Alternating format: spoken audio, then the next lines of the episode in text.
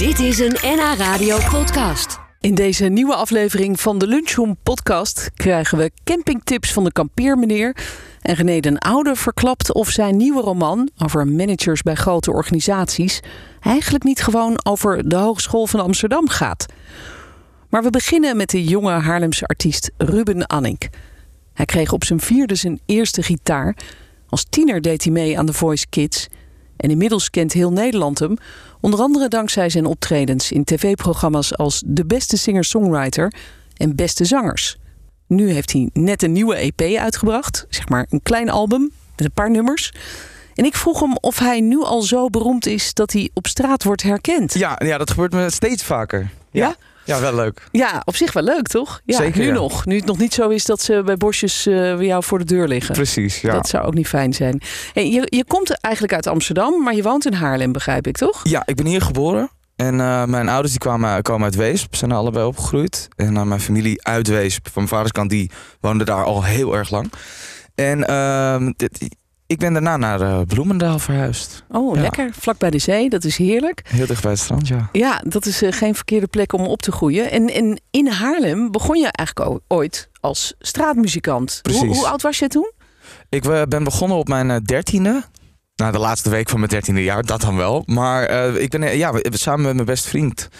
En toen zijn we gewoon op straat gaan spelen. En dat werkte als een uh, tierenlier. Ja, wat, Ja. wat speelden jullie dan? Ja, we speelden veel, veel covers natuurlijk. Dus we speelden Hit the Road Jack. Maar we deden ook eh, Hey Brother van Avicii. En we deden Sterrenstof van de jeugd tegenwoordig. Maar ook eigen materiaal wat we toen schreven. Wat als ik het nu nog terugluister, ik zelf eigenlijk nog best wel goed vind. Zeg Oh, maar. leuk. Ja, dus Ja. Dat, dat had ik niet verwacht. Maar het, eh, ja, dat was echt wel, dat, dat werkte als een trein. En daar, daar hadden we echt heel veel plezier uit. Ja, en haalde je ook veel geld op? Ja, daar gingen, we- wij gingen wel elke zaterdag met een eh, exorbitant bedrag eh, naar huis. Oh ja? Ja. Hoe- hoeveel dan ongeveer? Nou, we hebben wel eens, eh, als we een beetje ons best deden, dan gingen wij, na eerste week hebben we 500 euro de man. In twee Serieus? uurtjes. Van de ene... Oh, nou, Ja. dat, is, dat is heel mooi inderdaad. Dan, dan deden jullie het goed. Ja, dat waren volle, volle tassen. En dan eh, tussen de sets door die gitaarkoffer legen in een rugzak en dan weer doorspelen. Wauw. Leuk zeg. Ja, ja, dat was echt geweldig. tijd. En, en dacht je toen ook al van, hier wil ik eigenlijk gewoon mijn beroep van maken. Dit wil ik gewoon de rest van mijn leven doen. Ja, nee, ja dat, dat, dat, dat gaat natuurlijk wel door je hoofd. En we dachten ook van, oh, dat kan ook eh, gewoon wel, als we een beetje gingen rekenen. En ehm, uiteindelijk, weet je, natuurlijk naarmate je ouder wordt, hebben die mensen je wel gezien. En dan wordt dat ook wel minder. En eigenlijk het jaar dat we wilden stoppen, dus echt zo van, oké, nou, nu, na dit jaar zitten we allebei op het mbo en dan gaan we dit niet meer doen. Dat jaar werden we ontdekt. Door Ali, Ali B. B. Ja, Ja. Want, want hoe ging dat? Die, die, die liep langs en die zag jullie staan. Ja, die liep langs en die begon met filmen. En wij dachten, oké, nou dan moeten we echt even ons best doen. Dus wij begonnen met sterrenstof. En we dachten, rap, dat is Ali B, die is rapper. We doen sterrenstof. en wij Slim. zagen alleen maar dollarbiljetten in onze ogen. Dus we dachten, nou die geeft gewoon 50 euro. Die man is toch rijk? En ehm, toen stopte hij met filmen en toen liep hij gewoon weg met wie die was, zeg maar. Oh, Dus wij, nou, weet je, nou ja, weet je, het is vaker gebeurd. Ook Giel Belen heeft een, hebben we een keertje gezien. En Jacqueline Govaert. Maar hier, was Ali B. Dus we dachten, nou, weet je, dit kan een jackpot zijn. Maar hij loopt weg. En eh, ik denk, vijf minuten later komt zijn neefje naar ons toe. En die zegt, ik moest deze aan jullie geven. Jullie moeten gewoon even een filmpje eh, van jullie zelf sturen. Eh, en dan gaan, we even, dan gaan we even praten. En twee weken later stonden Julius en ik getekend bij Spec. Ongelooflijk. Ja. Dat, dat is toch een, een jongensdroom die uitkomt, denk ik. Zeker. Ja. Ja. Ja, en ook wel echt het soort van. Ja, het is wel. eh, ik heb daar in totaal zes jaar gezeten. Ja. En eh, met heel veel plezier. En uh, Jules die is onder, ondertussen afgehaakt, want het bleek toch wat minder voor hem allemaal. En ehm, ja, nou ja, weet je, ik ben gewoon doorgegaan en aan de weg blijven timmeren. En er zijn Ja. heel veel mooie dingen gebeurd. In Ja, zeker ja. Ook wel wat mindere, want je, je hebt op een gegeven moment eh, meegedaan aan eh, The Voice Kids. Hè? Ja. En eh, dat is aan de ene kant natuurlijk heel leuk, maar ik begreep dat dat voor jou ook net eigenlijk in die tijd niet helemaal was wat je, wat je goed kon gebruiken. Nou ja, ik vind, het, ik vind de, de Voice Kids heel wrang. Want als ik nou weer afgelopen, afgelopen vrijdag zit te kijken. Die kids, tegenwoordig is social media zo'n veel groter ding. Dus is, weet je wel, haat en eh, afkeuring en dat soort dingen. Dat, daar Ja. worden die kinderen al heel erg mee geconfronteerd. Op hele jonge leeftijd. afgerekend, Ja. hè? Ook op een uiterlijk en zo. Dat is heel naar eigenlijk. Ja, dat vind ik eigenlijk niet oké. Dus Nee. snap, ik, ik snap dat mijn vader me mee heeft laten doen toen ik 14 was. Echter, eh, ja, ik, het- als ik nu mijn kind eh, aan mijn eh, scheen zou hebben met ik wil, ik moet en zou meedoen, dan zou ik nee zeggen. Omdat je niet. Want je bent nog zo jong ook. Ja, kinderen kunnen daar gewoon. Dat is gewoon niet slim voor jezelf. En natuurlijk snap ik dat je een, een shortcut wil nemen en eh, een soort van Michael Jackson-achtig op je tiende een wereldster wil worden. Mhm. Maar de kans dat het gebeurt is, is miniem. En het- ja, dan kan je maar beter wachten tot je wat ouder bent. En, en wat wijzer en wat beter met verlies en, en eh, ja, gewoon teleurstellingen om kan gaan. Ja, ja. Want ja, Ja, want, ja, want als je ook net in de puberteit komt, wat, wat, Precies. wat bij jou misschien was, Ja. eh, dan ben je sowieso natuurlijk al wat onzeker, kwetsbaar. ja zeker. Dus 100%. eh, dat kan eh, net de verkeerde kant opvallen eigenlijk, dat kwartje. ja, of, en, het, of het kan heel goed gaan, dat is natuurlijk ook, gebeurt natuurlijk ook wel. Maar ja, en dan kan Ja. het ook weer doorslaan in het goed gaan. Dus ik, ja, ik werd gewoon echt een arro- arrogant kwalletje van Oh ja? eh, 14 jaar. En, Ja? ja, ja nee, dat, dat liep bij mij volledig uit de hand. En, en ook dat is niet goed voor een kind. Een Nee. soort van een zelf gecreëerd eh, opstapje. ja, En- je werd je eigen held. Ik, werd, ja, ik vond mezelf wel echt een legende in Haarlem. Ja. Ah, ik vind het ook wel weer lief, ja, als je, zoals je er nu over vertelt. Maar ik kan me voorstellen dat het toen misschien niet goed voor je was. Nee, nee, nee, Nee. Ik ben ook wel vrienden verloren. Omdat ik dacht, ik ga met oudere jongens hangen en zo. En dan Ja. uiteindelijk weer op je knietjes terug naar je, je matties, Oh. zeg maar. Ja. Ja, nee, maar dus dat is dat. Dat, is gelukkig wel goed gekomen Daar leer je allemaal. Eh, jij bent eh, daarna nog de singer-songwriter gaan doen. Eh, heb je de finale gehaald, dus dat is al heel goed. En je hebt meegedaan met Beste Zangers. Ik denk dat heel veel mensen dat gezien hebben. Daar heb je prachtig gezongen. Maar was je ook vaak heel emotioneel. ja, Wa- wa- waarom was dit belangrijk voor jou, die beste zangers? Wat heeft dat met jou gedaan, zoals ze dan in de sportwereld zeggen? ja, beste zangers was natuurlijk wel. ehm, toen eh, Glenn Faria van eh Duurt te Lang, dat is mijn, eh, mijn ja, muzikale vader. Die, die, die neemt me overal mee naartoe. Die heeft me op sleeptouw touw genomen toen ik jong was. En ehm, ik was een beetje een uit de hand gelopen, ja, hoe noem je dat? Pubertje. En eh, toen eh, heeft hij me wel gewoon even apart genomen van... hé, hey, luister, je gaat nu wel meedoen met het belangrijkste programma van je leven. En je kijkt heel veel mensen naar. En als jij niet in topvorm bent daar, dan ga je gewoon af.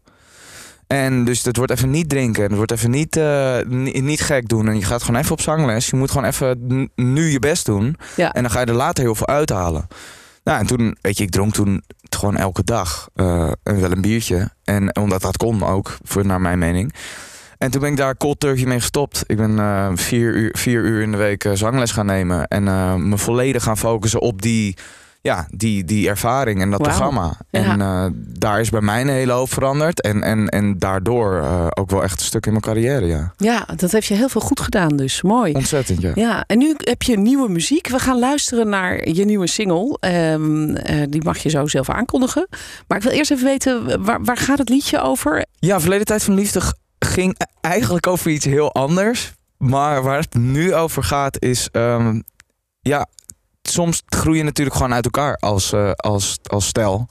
En hoe pijnlijk dat ook is... ehm, moet één van de twee soms de stekker eruit trekken. En in mijn, in mijn geval was eh, ik niet diegene die dat heeft gedaan. Maar ehm, ja, soms is het het beste om die pleister er maar gewoon in één keer van af te trekken. En dan maar de wond weer open te halen. En je even anderhalve maand ontzettend kloten te voelen. Maar dit is eigenlijk het moment daarvoor dat je beseft dat je niet meer met degene bent waarmee je ooit begonnen bent. En dat is. ehm, ja, ik, eh, ik heb hem geschreven met Matthijs de Ronde. Van, eh, hij is ook de schrijver van Nielsen. Ja, en eh, wat hij in in de, in de couplet heeft gedaan is echt, eh, echt niet normaal. Hoe, hoe, hoe is dat eigenlijk? Schrijf je al je liedjes helemaal zelf? Of, of, of doe je ook eh, wel eens samen met mensen? Ja, vaak is het wel in eh, ja, een soort van duo-verband. Dus dan neem je een andere schrijver mee naar mijn vaste producer of een andere producer. En in dit geval was het dus eh, Matthijs de Ronde. En hij vroeg aan mij twee dagen eerder: heb je al misschien onderwerpen waar je over wil schrijven of zinnetjes die je hebt opgepikt? En toen stuurde ik naar hem Verleden Tijd van Liefde. Naar aanleiding van eh Kapsalon Romy. Dat is een film, Nederlandse speelfilm. Over een kleindochter die er oma langzaam kwijtraakt aan Alzheimer. Oh ja. Ja. En dus dat, die zin die is zo anders geïnterpreteerd door Matthijs. En eh, toen ik dat tegen hem vertelde, en hij was, werd zo geïnspireerd door die zin, dat hij dus normaal ga je een beetje flowen, noemen we dat. Maar hij kwam dus echt al aan met twee, twee hele coupletten en een, stu- eh, en soort van een stukje eh refrein al. Ja, en daar hebben we echt. Hij zei sorry, maar ik heb dit nooit. Maar ik, dat hele liedje rolde er gewoon uit. Ja, En, zo klinkt het ook. Het, het, ja. het is een soort natuurlijk. Heel ja, mooi. Ja. precies. En toen we dat dus toen dat toen die basis lag, toen zei ik van dit volgens mij is dit een duet. En toen zei hij, nou dit- misschien wel. En toen dacht en ik had net een filmpje van Amina ontvangen die naar mij werd gestuurd. Toen dacht ik, ja, zij moet hier op. Nou ja, drie telefoontjes en het was geregeld. Zo zeg. Ja, en zo ontstaat zoiets. Ja. Ja, Leuk. Nou, we, gaan kijken of we hem vaker kunnen draaien. Want ik vind het, het is echt een mooi liedje. dank u wel. Ja, en nou hebben we natuurlijk een heel gek jaar achter de rug. Want normaal zou jij als, eh, ja, je bent inmiddels echt een toch wel een beetje een gevestigde artiest eh, geworden, denk Ja, ik. Zou je ja. denk ik heel veel optredens hebben gehad. Maar er was natuurlijk door corona eigenlijk weinig te doen. Hoe ben je dat jaar doorgekomen? Ja, afgelopen jaar was het voornamelijk schrijven en, en jezelf bezighouden. Ehm, hobby's eh, eh, zoeken en dat soort dingen. En, Wat en, voor hobby's heb je gevonden? eh, ik heb een naaimachine gekocht in een opwesseling. Dat heb ik gedaan. En ik heb een, ook een. ik ben heel goed geworden in het schoonmaken van mijn auto. ja, ik heb wel echt hele gekke. Maar het is ook mijn ADHD. Dus ik, vind, ik stort mezelf altijd zo in van die Ja. super rare hobby's. En Lekker dan- bezig blijven gewoon. Ja, gewoon be- bezig bijtje. Ja. Als ik niet kan optreden, moet ik wel iets doen. Ja, zo is het. En heeft het je ook nog iets van een nieuwe inspiratie of inzichten gebracht? Want dat hoor je wel van veel mensen dat ze zeggen... Oh, het, heeft, het is ook wel fijn geweest om eens eventjes de focus op iets anders te hebben... en, en even een pas op de plaats te maken. Ja, het was, ik denk inderdaad dat. eh, het, kijk, normaal schrijf ik mijn liedjes vanuit verhalen van de mensen om me heen. Of dingen die ik oppik. In een kroeg net op het terras zei een meisje een hele mooie zin. En die heb ik meteen genoteerd. Namelijk? Eh, dan moet ik even opzoeken. Maar in ieder geval, ze, dus ze zei echt Ja. zo'n heel kort zinnetje. Van ik dacht, wow, dat is echt, echt super mooi. En ze krijgt geen royalties. Maar eh, eh, eh, normaal doe je dat. En nu was er niemand. Dus er was ik in huis bij mijn, schoonfam- mijn schoonfamilie. En dan ja, hoorde je ook niet verhalen. En nu de wereld weer open gaat, is er zoveel reuring. Ook bij relaties van vrienden van mij. Er gebeurt een hele hoop op dit moment. Ja, ja. En dat, ik denk dat dat contrast. Dus tijdens die lockdown heb ik amper kunnen schrijven omdat er niks gebeurde. ja. En nu gebeurt er zoveel dat ik weer overprikkeld misschien. overprikkeld. En ik kan nu echt, ja, nu is het echt wel elke dag weer een, een liedje eruit rollen. Ja, zo. Nou, dat is op zich ook wel weer lekker, toch? Ja, heerlijk. Ja, Ja, daar ben ik heel blij van. Ja, heb je al eerste optredens gepland staan? Want je hebt nu eh, twee nieuwe EP's uit, een nieuwe single. eh, dus Volgens mij is de eerste is in. Alkmaar, eh, ergens eh, 11 juli volgens mij. Dat zijn er meteen twee op een dag. En dan hebben we Paaspop is nog geconfirmed. En daarna staat nog de rest van mijn tour die nooit door is gegaan. Oh ja. Dus Ja. die gaan we eerst even lekker afmaken. En daar, ja, ik, ik, heb altijd, ik heb de hele tijd gezegd, ik wil het alleen doen zoals we hem verkocht hebben. We Ja. hebben een volle zaal verkocht met een hele band en niet anders. Dus ik wil niet twintig keer in Groningen staan Voor, om... voor tien man. Ja, dat ga Ja. ik niet doen. Ik wil gewoon die volle zaal en een zweetlucht en een soort van bier dat morst en je aantikken. En Ja. dat wil ik. Ik wil niet, ik wil niet ehm, een mond, ook geen mondkapjes. Nee. Goed, nou laten we hopen dat dat allemaal lekker kan straks. Na de zomer zal het waarschijnlijk zijn. Ja. Dan het verhaal van René den Oude uit Amsterdam. Hij laat zich al jaren inhuren door grote organisaties als projectleider om digitale vernieuwingen door te voeren. En daar maakt hij het een en ander mee met talloze commissies, stuurgroepen, werkgroepen en even zoveel managers die eindeloos over punten en komma's kunnen vergaderen. Dat inspireerde hem tot het schrijven van een roman. En die is er nu, die heet De Projectleider. En ik vroeg hem hoe dicht zijn boek tegen de werkelijkheid aan ligt. De realiteit of de werkelijkheid is nooit ver weg. Maar het is een roman. Ja. En in de roman schep je, zoals het heet, zo chic, een, een nieuwe werkelijkheid. Ja, maar wel gebaseerd eigenlijk op jouw ervaringen van de, van de afgelopen jaren. En eh, de hoofdpersoon in jouw boek is Jackie, een vrouw trouwens. Die, eh, een Ja. vrouw die weet wat ze doet. Die wordt ingehuurd als projectleider om vernieuwingen door te voeren in de digitale leer- en werkomgeving van de hogeschool. En dat is niet helemaal toevallig, want dat is eigenlijk ook wat jij doet, toch? Waar jij voor voor wordt ingehuurd. Ja, ik ehm, heb ruim 25 jaar ervaring in het werk als projectleider. eh, in grote organisaties en dan eh, aan, vaak aan de digitale mediakant. Ja, en ook techniek heb ik geen verstand overigens. maar ik was als algemeen projectleider vaak daarvoor actief. ja, om, om al die mensen bij elkaar te brengen. Ja. Te zorgen dat die vernieuwingen worden doorgevoerd. En dat iedereen snapt hoe ze daarmee om moeten gaan. En dat werk heb je ook gedaan bij de Hogeschool van Amsterdam. En dit boek speelt op een hogeschool. Of de hogeschool heet het. Eh, gaat het eigenlijk een beetje stiekem over de HVA? De Hogeschool van Amsterdam? Je bent de eerste die dat vraagt. Nou ja. Ehm, laat ik het zo zeggen. Het is een roman. En ik zeg net, het is in een roman creëer je, schep je een, eh, een andere werkelijkheid. Uh, en ik had voor ogen om een boek te schrijven over de, laten we zeggen, wonderenwereld van een grote organisatie, moderne organisatie. Nou, dan kun je kiezen tussen een bank, een verzekeringsinstelling, uh, een zorginstelling of een hoger onderwijsinstelling. Ja, ik heb gewerkt bij de Hogeschool van Amsterdam, dus ik heb natuurlijk ook daar ervaring op gedaan. Dus het is zeker een inspiratiebron voor mij, zoals het heet. Maar als je me vraagt, gaat het, er, gaat het over de Hogeschool van Amsterdam? Dan zeg ik nee. Heeft de Hogeschool van Amsterdam daarvoor een model gestaan? Ja, natuurlijk. Net als andere organisaties. Ja. ja. En wat vinden ze daarvan bij de Hogeschool van Amsterdam? Heb je nog een beetje contacten daar en wat vinden zij van je boek? Uh, het is nu net twee weken geleden verschenen, dus de reacties druppelen binnen. Uh, in zijn algemeenheid, nog los van de reactie van de Hogeschool van Amsterdam, uh, is het voor een schrijver zo: als iemand een boek heel mooi vindt, dan reageren ze. Hoor je niks, dan weet je vaak dat ze het minder mooi vinden of minder goed. Of, weet ik ja, wat. of not amused zijn. Of not amused. Nou, ik uh, kreeg, even kijken, vorige week een reactie van een, uh, van een dame met wie ik veel projecten heb gedaan daar. Zij zat dus, was een bedrijfsvoerder. die schreef mij van, weet je, van een beetje humor gaat niemand dood. En het zou zelfs misschien van humor getuigen als we hier een keer inhuren. Nou, Daar ben ik weer, dat mensen. laatste, precies. Weet je dat Jack Nicholson beeld in die... In ja, ja. Uh, nou, uh, natuurlijk begrijp ik dat, dat de Hogeschool van Amsterdam zegt... nou weet je, die man heeft die best goede dingen misschien gedaan... maar na dit boek uh, is het misschien niet meer zo handig om hem in te huren. De vraag is ook of ik dat nog zou willen. De vraag is of ik ja. überhaupt zou willen nog als projectleider te gaan werken. Ik denk dat het antwoord op die vraag is dat ik eigenlijk wel klaar ben met met dat soort werk. grote projecten. Ja. ja. Je beschrijft in dat, uh, in dat boek behoorlijk genadeloos hoe het er aan toe gaat in zo'n grote organisatie mm. zoals deze hogeschool. Uh, met al die stuurwerken en projectgroepen en allemaal projectmanagers en leiders. Uh, voelde dat voor jou ook zo toen jij daar zelf nog middenin zat? Toen jij dat werken ook deed?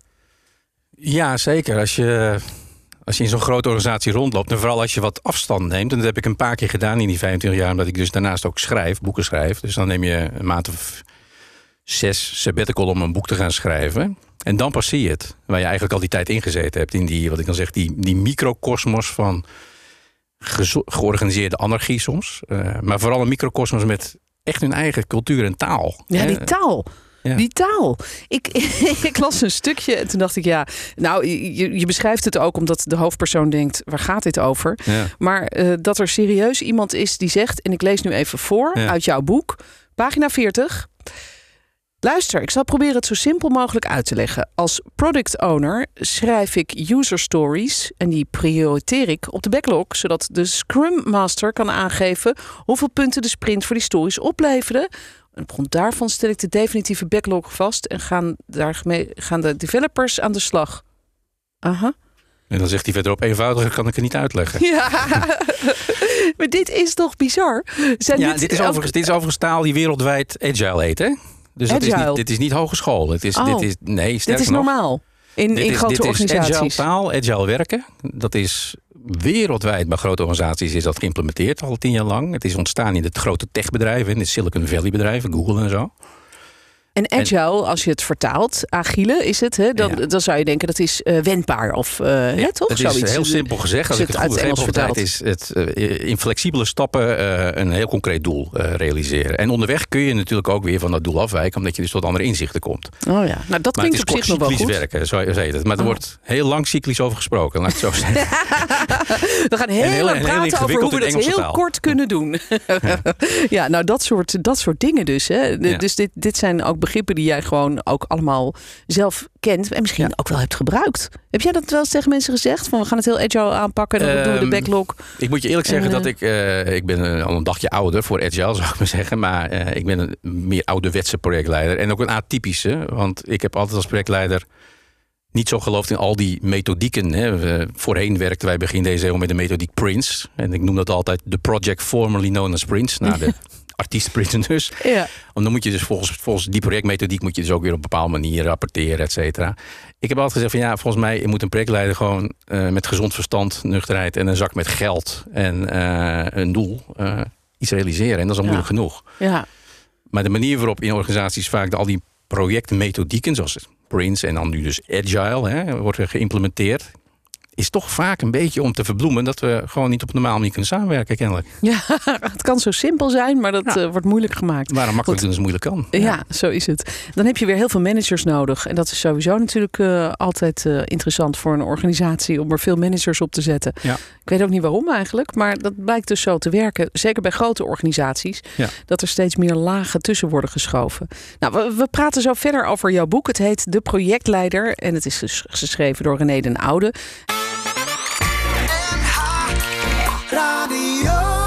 Hij schreef een op de werkelijkheid gebaseerde roman over Jackie, een projectleider die wordt ingehuurd bij de hogeschool om daar wat digitale vernieuwingen door te voeren. Daar loopt ze tegen nogal wat obstakels en eindeloos veel stuurwerken en projectgroepen op. En Jackie is eigenlijk een beetje jouw alter ego, René. Waarom schrijf je eigenlijk vanuit het perspectief van een vrouw? Dan wel mijn vrouw ook altijd. Ehm ik koos bewust voor het perspectief van een vrouw, omdat ik dacht van die kan met iets meer distantie en misschien ook wel ironie de toch overheersende wel mannenwereld van, hè, zoals het in het boek heet, de apenrots beschrijven. Ja, het contrast is daardoor ook misschien Ja. nog groter. Ja, ja, Ja. ja. Ja, want eh, zij is een sterke vrouw, die hoofdpersoon. Die, die wel goed weet wat ze wil. En ze kan ook echt wel, ze heeft dat in de mars. En toch loopt ze tegen allerlei grenzen op. Eh, wat zijn het vooral voor grenzen? En zijn die ook voor jou herkenbaar vanuit jouw eigen werk? Ehm, nou, vooral, ja, het is een sterke vrouw van 53. Hè. Ze zit zelfs ook weer in de overgang ook. Ja, ik heb me op glad ijs eh, begeven. En wat ik vooral niet wilde was een klassiek of een beetje eh, cliché beeld neerzetten van een 23-jarig blond meisje dat als projectleider helemaal ondergesneeuwd raakt op zijn hogeschool. Dus ik wilde gewoon een sterke vrouw die eh, het klappen van de zweep kende. En dus ook met heel veel ervaring in zo'n organisatie binnenkomt. En Ja. die vrouw, het karakter van die Jackie is in mijn beleving een... Ze is een wat gesjeeste filosofiestudente. Eh, die eh, het nodig heeft meegemaakt in haar leven ook. En in de wereld van het bedrijfsleven. En eigenlijk met een soort joie de vivre binnenkomt in zo'n organisatie van... joh, wie maakt mij wat? Die Ja. alfamannetjes en kom maar op. En ze heeft een bepaalde manier van humor... die schuurt tegen het cynische, sarcastische. Ze steekt een beetje de draak met het woke-denken... Hè, waar we allemaal met hele lange tenen van tolerantie eh, omheen lopen te dansen. ja. En dat vooral, dat ze een beetje provocatief de draak steekt met het diversiteits- en inclusiviteitsdenken, wat in zo'n organisatie heel gevoelige thema's zijn. Dat gaat daar met name ook een beetje opbreken. Ja, je beschrijft bijvoorbeeld in je boekenscène dat eh, een eh, bekende YouTube-ster, die Ja. in dit boek Kiki. Kiki heet, niet Nicky. Maar we weten allemaal Kiki, over wie het ja. gaat. Die komt dan uit de kast als, eh als zijnde, eh nou ja... eh, Transgender, transseksueel. Ja. Ja. Ehm, en, en zij maakt daar dan een soort grapje over. En dat is echt not dan daar. Dan wordt ze echt aangekeken van... Joh, Ja, nou, dan zitten ze daar met z'n allen te lunchen naar dat filmpje te kijken waarin Kiki dan uit de kast komt. En dat is een heel wereldberoemd filmpje. Hè? Dat Ja. is eh, miljoenen keren op een dag bekeken. En ze zat vervolgens een week later bij, in Amerika bij de grootste talkshow-host. Ja. En dan maakt zij daarop dus wat cynische opmerking van... jullie zitten eigenlijk te kijken naar een marketingfilmpje. Ja. En dat wordt haar niet in dank afgenomen. Nee, nee, nee. Dus eh, wat dat betreft eh, eh, botst zij een beetje met de mannetjes om haar heen. En de cultuur die daar... Ja, de cultuur. Niet, Hangt. niet dat zozeer dan de mannetjes. Nee, de maar mannetjes die zitten zijn er ook. hiërarchische... Ja, precies. Ja, want, want eh, er zijn ook bijvoorbeeld op de school een, is een docent die zijn handen niet thuis kan houden. Ja. Nou, dat is misschien ook wel uit het leven gegrepen, denk ik dan. Daar horen we natuurlijk toch ook Ja, wel eh, verhalen over. Kijk, docenten die een handje niet thuis kunnen houden. Ik denk dat, dat we bijna eh, geen universiteit of hogeschool meer kennen in Nederland die niet in het nieuws is geweest met dit soort eh, Ja. incidenten. En als het, als het niet in het nieuws zijn, dan durf ik bijna mijn schoen op te eten dat ik denk van het zal ongetwijfeld daar ook wel gebeuren. Ja, De reden waarom ik dit soort voorvallen opneem. Hè, dus een docent die geen handjes kan thuishouden. Er is ook een docent die geen handen wil schudden, een moslimdocent. Is om te laten zien hoe in, een, in zo'n microcosmos van zo'n hogeschool eh verkrampt wordt omgegaan met dat inclusiviteitsdenken. Dus enerzijds van die hele mooie klinkende volzinnen. We omarmen de verschillen. En eh Ja, diversiteit is heel belangrijk. Waarvan jij denkt van, maar wat bedoel je nou eigenlijk te zeggen? En op het moment dat het erom gaat spannen, of dat, er iets, dat, het, dat het ergens om gaat, dat er iets op het spel staat, dan wordt daar of van weggekeken. Ja. Of er wordt heel ingewikkeld over gedaan om een compromis te zoeken tussen een moslimdocent, die toch ook inclusief erbij hoort, eh, en zijn, we zeggen, afwijkende gedrag om vrouwen geen hand meer te willen geven. Nou, dat, is natuurlijk, dat zijn natuurlijk dilemma's die, eh die voer voor satire zijn, lijkt mij. ja. En, en ook afkomstig uit jouw eigen praktijk op, op een hogeschool. Toen ik bij de Hogeschool van Amsterdam rondliep, waren daar wel van dat soort incidenten die ik, die ik ook in het boek beschrijf. Maar ook hier heb ik natuurlijk op een gegeven moment, uh, laten we zeggen, afstand genomen van de feitelijkheden. Ja. En mezelf gepermitteerd om, om die incidenten om te zetten naar, of om te vormen in een anekdotische verhaallijn. Of, ja, want, want je hebt het boek niet geschreven als een soort afrekening uh, met jouw oud-werkgevers, neem ik aan, toch? Ik bedoel, nee, misschien zijn er mensen die daar dat wel denken. Ja? nou, dat zou zomaar kunnen. Dat, dat mensen denken van, nou ja, die pakt wel eventjes uit. Maar nee, het is echt, je moet dit boek echt zien als, het is, het is geen afrekening met, met een oud-werkgever. Het is ook geen afrekening met andere oud-werkgevers of het is ook geen afrekening met de organisatie. Het is wel een kritische beschouwing op een organisatie. En dan heb ik een hele grote bril van satire opgezet. Een hele grote dikke duim erbij gepakt. Ja. En gedacht, hoe kan ik die werkelijkheid nou eens uitvergroten en verkleinen tegelijk? René den Oude hoorde je over zijn boek De Projectleider. En dan de hamvraag: waar gaan we heen deze zomer? Misschien eens een keer met de tent op kampeervakantie. Nu we niet meer zomaar overal heen kunnen, blijven veel mensen in eigen land. En zijn bijvoorbeeld de campers niet meer aan te slepen, maar ook de tenten vliegen als warme broodjes de kampeerwinkel uit. Tjerk Romkema, alias de kampeermeneer, weet alles van kamperen en deelt al die kennis op zijn website. Maar noemen we hem nou Tjerk of de kampeermeneer? Nee hoor, je mag gewoon Tjerk zeggen. hey, jij kampeert zelf al je hele leven, hè, begrijp ik. Wat, wat vind jij er zo fijn aan? Ja, het uh, kamperen is bij mij echt met de paplepel ingegoten, inderdaad. Um, en het kamperen, ik vind het fijn aan het kamperen is vooral gewoon lekker buiten zijn. Uh, niet zoveel moeten, maar een hele hoop kunnen doen. Um, en gewoon met de, ja, met, met de natuur leven en ook hetgeen wat, wat komt. Dus als het een keer regent, een buitje is vaak over een kwartier. Is die, uh, na een kwartier is die afgelopen en thuis blijf je dan de hele dag binnen. Maar op de camping ben je dan, ja, sta je daarna meteen weer, zit je voor je tent of zijn de kinderen aan het buiten spelen. Ja, ja, of ben je tent aan het leeghozen. Dat kan natuurlijk ook ja, gebeuren. als je pech hebt. ja, maar het is waar. Je leeft wat meer met het seizoen. En, en zodra het even droog is, dan ben je alweer buiten. Dat is natuurlijk heerlijk. Ja. Ja. Heb je zelf in je jeugd ook veel gekampeerd? Want je zei het is met de paplepel ja, is, ingegoten. Sorry? Je had het over de paplepel. Dat die... Ja, precies, de paplepel. Ja, de, het is, wij hebben altijd gekampeerd. Eerst met tenten en later met een, uh, met, met een vouwwagen. En we gingen ja, een keer of drie per, uh, per seizoen of zo uh, kamperen. Voornamelijk gewoon in Nederland. Af en toe eens een keer naar Frankrijk of naar Denemarken of iets dergelijks. Ja. En um, ik doe nu hetzelfde bij mijn kinderen. Ja? En dan met een tent of met een vouwwagen? Ja, wij kamperen uh, nu met een, uh, een vouwwagen. We hebben ook lange tijd met een, een tent gekampeerd. Maar um, we kamperen nu inmiddels zo vaak. Dus zeg maar, ja, ja, om het weekend zeg maar. Oh ja?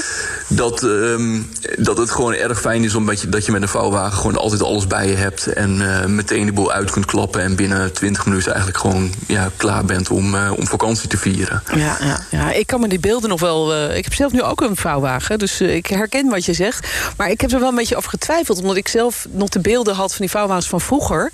Uh, de Alpenkreuzers en zo, dat soort uh, apparaten. En dan kwamen die aan op de camping. Nou, dan ging iedereen er al voor zitten. Want dan kon je ja. lachen. Want dan moest dat ding worden opgezet. En dat was nog best wel ingewikkeld eigenlijk.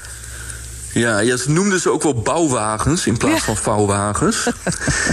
um, maar de vouwwagens van tegenwoordig, uh, je, ze zitten er nog wel tussen hoor, de ouderwetse bouwwagens noem maar. Maar het, het merendeel van de, van de vouwwagens tegenwoordig die is gewoon uh, zo technisch geavanceerd dat de boel gewoon echt heel snel staat. En uh, de meeste ben je binnen een half uur ben je gewoon klaar, klaar om vakantie te vieren inderdaad. Ja, hey, er zijn ook mensen die een hekel hebben aan aan het hele concept kamperen. We kregen al een appje van iemand die zei... het leukste aan kamperen is een hotel.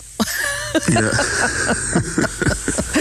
dat is duidelijk iemand die de geneugte niet zo uh, herkent. Um, maar kun je me daar iets bij voorstellen? Mensen die zeggen, nou, ik vind het echt verschrikkelijk, zo'n camping. Ja, ja, ik heb wel eens op mijn... Uh, hoe heet dat? Want naast mijn website heb ik ook een aantal social media kanalen. En dan, ik heb wel eens een poll gedaan van... is kamperen jou inderdaad... moet je daarmee zijn opgegroeid om dat te kunnen waarderen of niet? Um, en uit die poll komt dat dat eigenlijk niet het geval is. Dus er zijn heel veel mensen die toch nog op latere leeftijd zijn gaan, gaan kamperen. Maar ik snap het wel. Als, uh, want uh, kamperen vooral als je... Um, hoe heet dat? Als je, als je met een tent gaat en een heel gezin hebt en al je spullen ehm, moet inpakken en uitpakken en dergelijke, ja, dat kan best wel een gedoe zijn. Ja, het is echt Zeker veel als je werk, dat voor ja. een weekendje moet doen. Ja, ja. ja. Ja, dan kan je makkelijker in een hotel misschien. En wat met zo'n Ja, tent. ja, en je hebt natuurlijk ook altijd nog de, de vooroordelen van dat je ja, weinig privacy hebt en dergelijke. En dat je met een wc-rol over de camping moet en dat soort dingen. Nou, dat komt tegenwoordig gelukkig niet zo heel veel meer voor. Nee. Die, maar je, je levert wel wat in op je privacy ten opzichte van een, van een hotel natuurlijk. Want je deelt nog wel eh, meer dingen. Ja, want je zit wel met die wc-hokjes dat je allemaal naast elkaar zit. Dat, is, dat gaat Zeker, ook niet ja. heel erg privé, nee. Nee, dat- daar moet je even overheen stappen. Ja, ja, ja, nou ja, goed. Op veel campings is dat tegenwoordig ook wel goed geregeld. En mij valt op dat er bijvoorbeeld ook veel campings tegenwoordig privé-sanitair aanbieden, hè, bij je plek. Ja. Ja. Is dat echt Ja, is nieuwe trend wat- door corona? Ja, een nieuwe trend weet ik niet, maar ehm, het is wel iets wat, ehm, ja, wat, enorm gegroeid is, vooral ook afgelopen jaar. Eh, door de corona eh, is, het, eh, is het, een stuk populairder geworden. En er zijn ook heel veel campings die in eerste instantie mochten campings alleen maar open als, ja, als je op je campingplek een eigen sanitair had, zeg maar. En er zijn ook veel campings die dat ehm, afgelopen jaar gewoon hebben geplaatst. Ja. En zagen dat er, dat er vraag naar was. En die hebben dat, eh, die hebben dat behouden. En ook dit jaar ehm, is dat, eh, hoe heet dat, worden ze nog eh, grof geboekt, die, die plaatsen. Ja, ja, het is op zich natuurlijk ook wel fijn. Hè? Ook vanwege de privacy waar we het net over hadden. Dat je niet met z'n tien op een rijtje zit. Maar, Ja, en ook, ook s'avonds als je, vooral ook met, met, als je bijvoorbeeld of kleine kinderen hebt... of, of midden in de nacht naar het toilet hoeft. Ja. Je, je hoeft maar, je hoeft maar vijf meter te lopen in plaats van, van een halve kilometer. Dus... eh, dat is lekker warm. Ehm, en Ja. dus er, zijn, er is zelfs eh, privé-sanitair... waar ook in, in, behalve een, ehm, een badkamer en dergelijke... bijvoorbeeld ook nog een afwasmachine in zit. Oh, wauw. Zodat je zelfs de campingafwas niet meer hoeft te doen. Nou hé, ja, maar ja, die, die vind ik nou juist altijd wel weer gezellig. Dat je daar dan staat en een beetje te kletsen en een beetje in het zonnetje.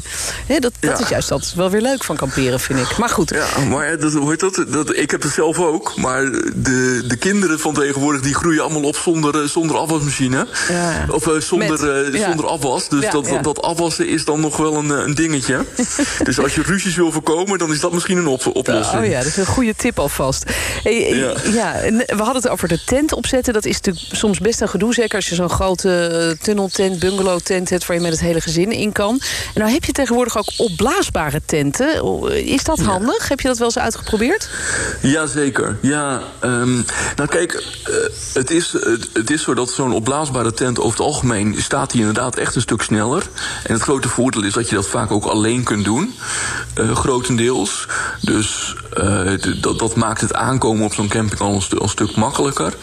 Ehm, nadeel van die tenten is wel dat, dat zeg maar de, ja, de pakmaat is vaak een stuk groter dan bij gewone tenten. Ja, ja. Dus je, hebt, je moet dan wel een karretje of een, eh, iets van een dakkoffer of iets dergelijks meenemen om alles in de auto te kunnen, Ah, ja. eh, te kunnen laten passen. Ja, dat is een nadeel. En, en, en de camper. maar het wel gemak is wel, echt, ja, is wel echt een groot voordeel. Ja, je zit niet met al die stokken die je er doorheen moet rijgen en dat soort dingen.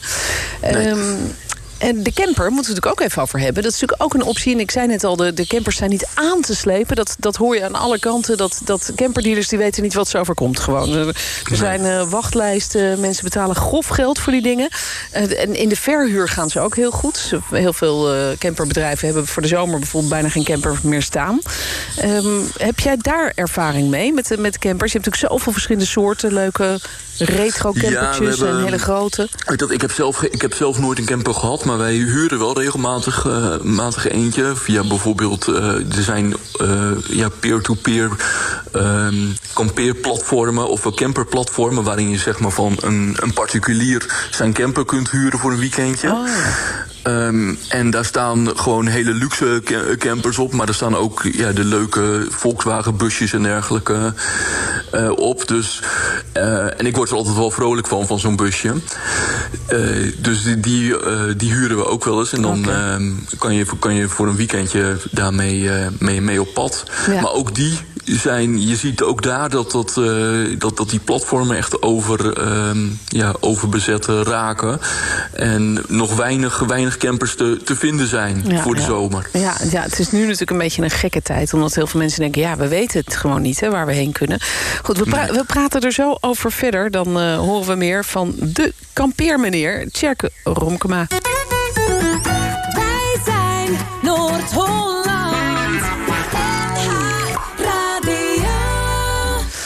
Tjerk, een belangrijke tip die ik zelf misschien alvast kan geven... is tijdig reserveren. Want ik merk dat veel campings al behoorlijk vol zitten. eh, zeker nu al in het weekend.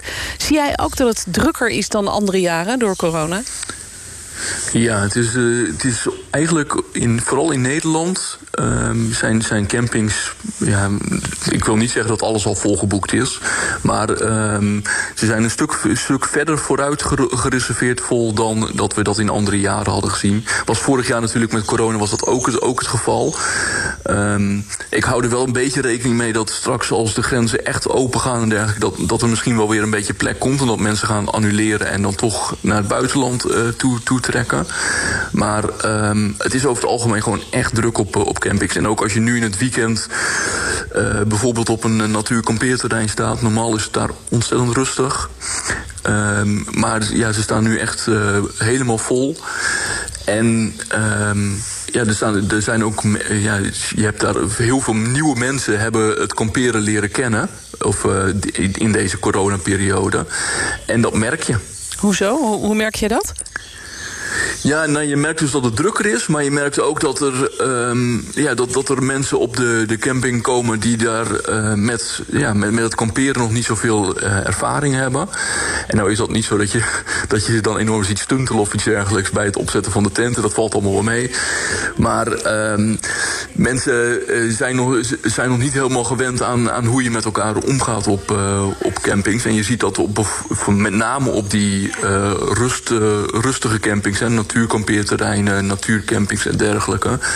Daar, ehm, is, ja, daar zijn een bepaalde ongeschreven kampeerregels. Zoals wat dan Zoals, bijvoorbeeld? ehm, Geef mij ook ja. maar een tip. Dat, geen muziek aan overdag, eh, zeker s'avonds ook niet. Eh, vanaf een uur of tien is het, eh, is het gewoon rustig. Dus dat betekent niet dat je geen gesprekken meer mag voeren of iets dergelijks. Maar je doet dat wel op een, op een fluistertoon, zeg maar. Ehm, de tenten niet bovenop elkaar, zeg maar bovenop je buurman neerzetten. Ja, geen, hele gekke, geen hele gekke regels of iets dergelijks. Maar ehm, al je eigen rotzooi opruimen. Ja, dat is logisch, Ehm, lijkt me. Ja, maar het heeft ja, ook te zijn maken... allemaal logische dingen. Maar Ja. als, je, als je nu op campings kijkt, dan zie je dat daar inderdaad veel meer rotzooi ligt dan, eh, dan dat, op, dat in andere jaren eh, het geval was. En dat heeft er vooral mee te maken dat er gewoon ja, ehm, meer, ja, meer mensen naar, naar de campings toekomen die op een andere manier daarmee omgaan. Ja, snap ik, ja.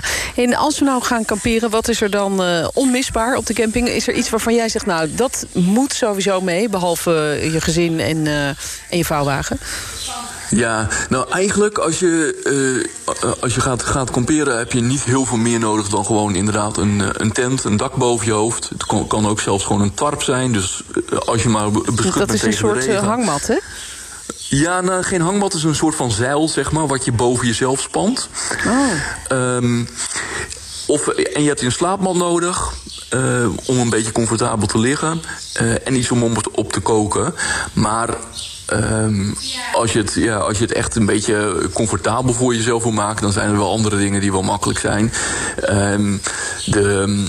Zo- Zo'n slaapmat bijvoorbeeld, daar zijn heel veel verschillende soorten in. Ehm, ik ben een enorm, eh, enorme fan van de, eh, van de zogenaamde boxmatrassen.